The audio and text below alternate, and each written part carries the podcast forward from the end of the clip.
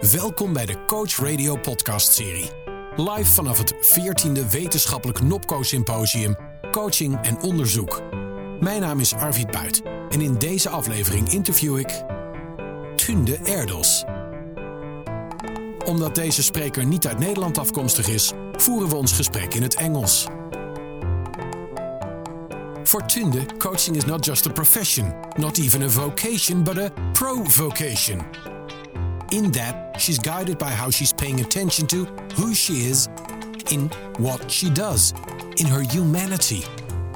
Tünde has received the ICF Social Impact Award 2023 in the category Distinguished Coach. She focuses on the shadow side of coaching in order to strengthen the bright and beautiful side of it. Her topic today online presence skills and in person presence skills. What do we start noticing? So, welcome, Tünde.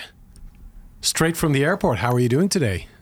Thank you so, so much for having me. I am arriving excited and a bit late and um, ready to rumble. Ready to rumble. You just flew in from Austria. Yes. The the city, the, the country you grew up in.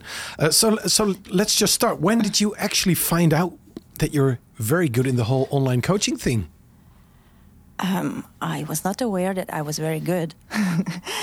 um, but maybe, will you allow me to reinterpret your question?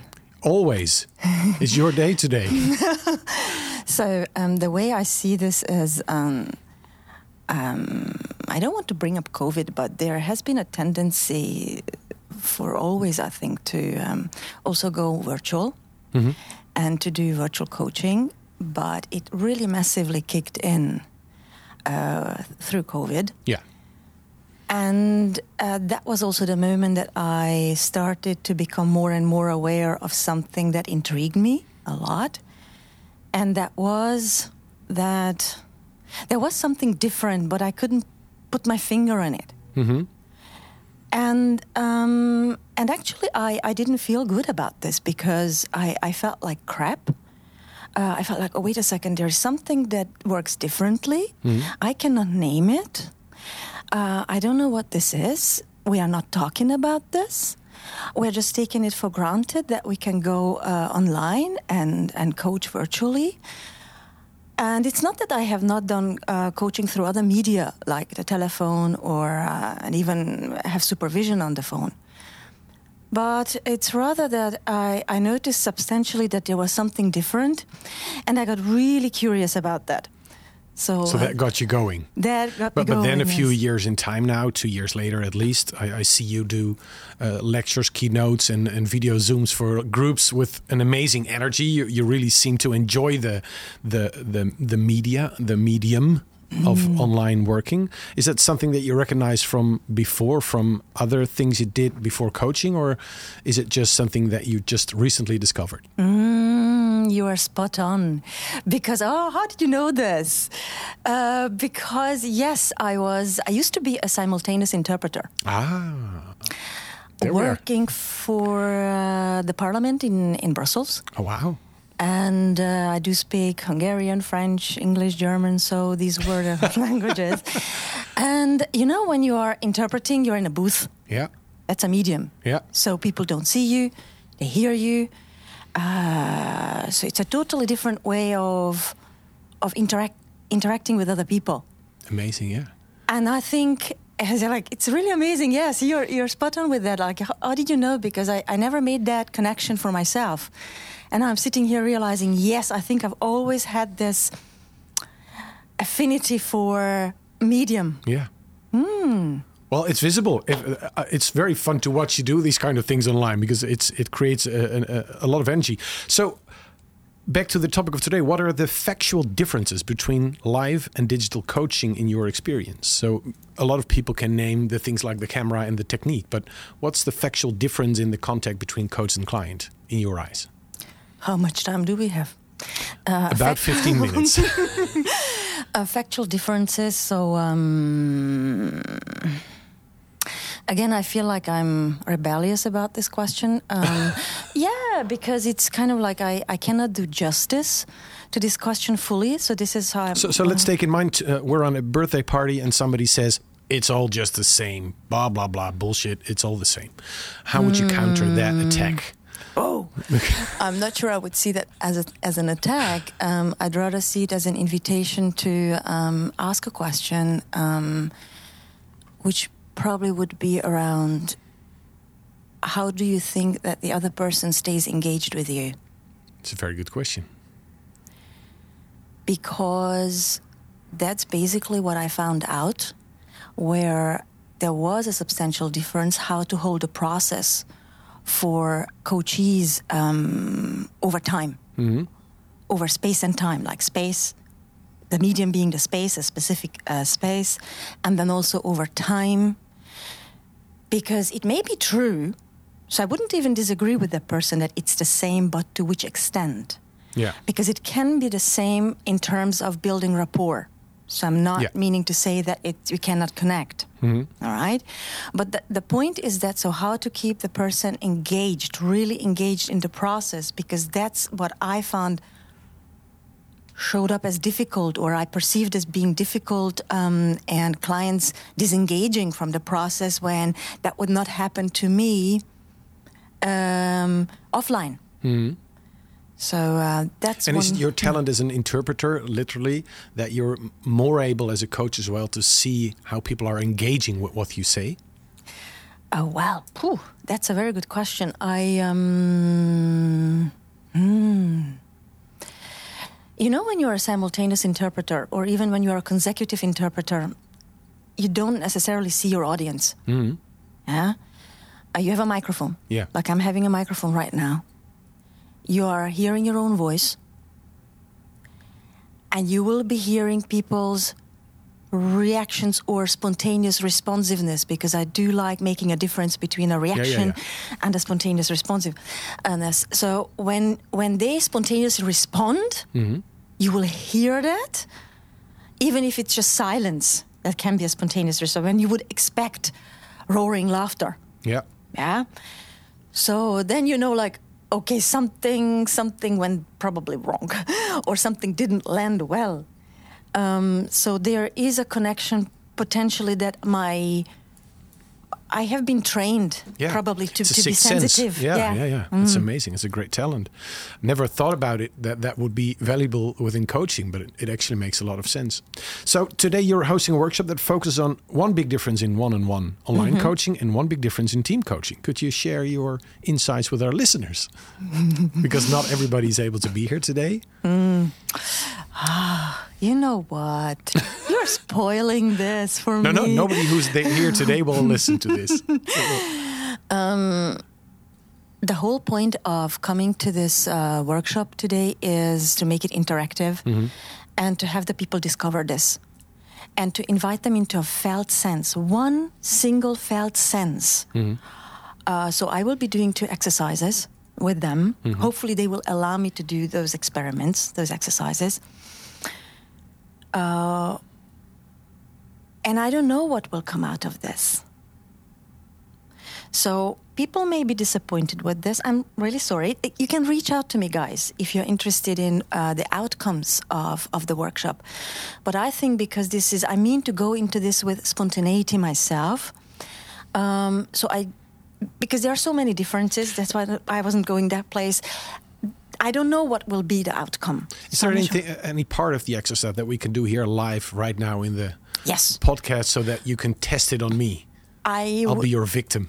the guinea pig. I guinea would pig. need a third person. Oh, I don't have it. You see, a, a third eye, a third a pair of eyes, and third pair of ears, because the exercise would be about taking the phone, Yeah. yeah, and um, one person would just um, video record a second person uh, from the chest upward. Yeah. The way we would see each other on a screen, for example. Now I'm seeing you full bodied, so it's it's it's not Different, yeah. comparable. It's different. And then um, the th- and that person would be just seeing the the upper uh, torso, and for three minutes only, and and looking at the person and interacting with the person, talking about anything. I wouldn't mind. And the other person, the third person, would be just watching the two interacting with each other, full bodied. Yeah.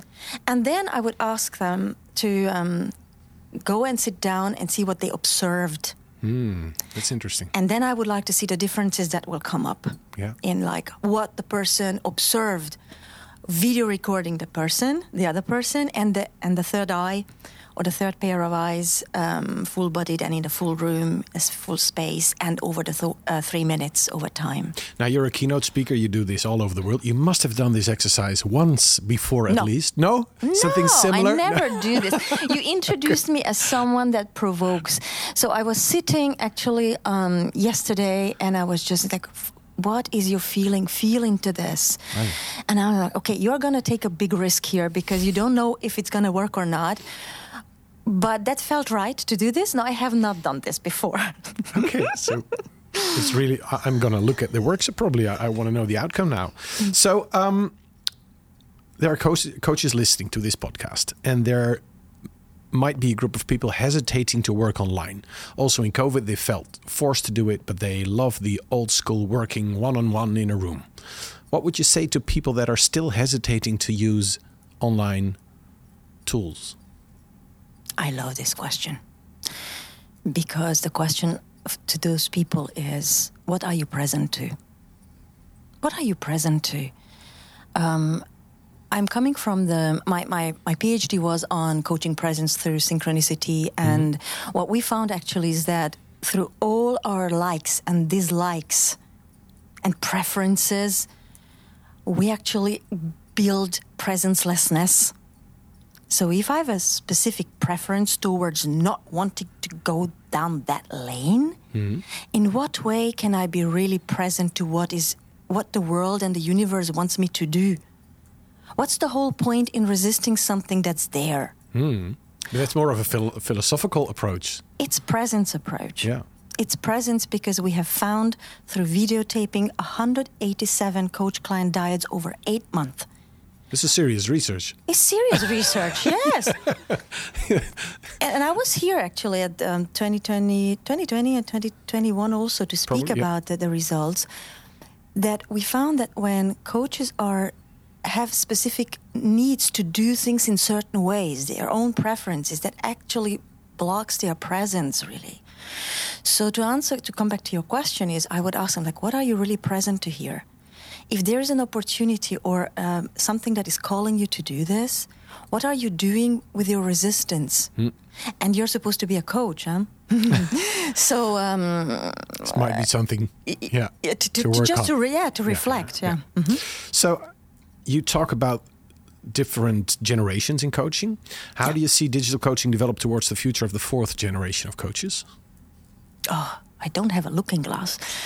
no, but you have very good sense.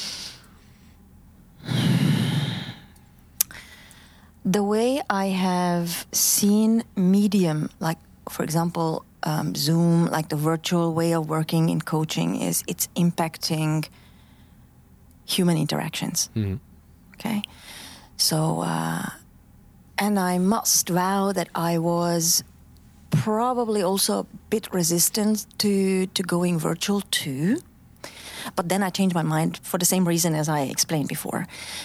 But the whole point is that who does it serve if we do not inquire into where human interactions are developing or evolving now through the media that we are actually co-creating too mm. We have brought zoom into our life I, I, I, don't think it makes sense to just say it's out there and it's happening nothing is happening unless we make it uh, happen Yeah.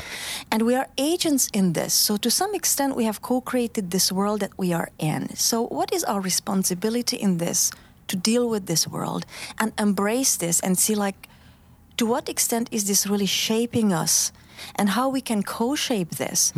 So, um, see it from this perspective of in what way is it um, impacting or influencing my interactions with my clients and learn because this is how I came to to learning more about this and and I'm just at the outset. I'm That's why my um, workshop is called like, okay, so what's going to come? We don't know. But to be curious because th- we are in the business of curiosity, not mm. in the business of resistance.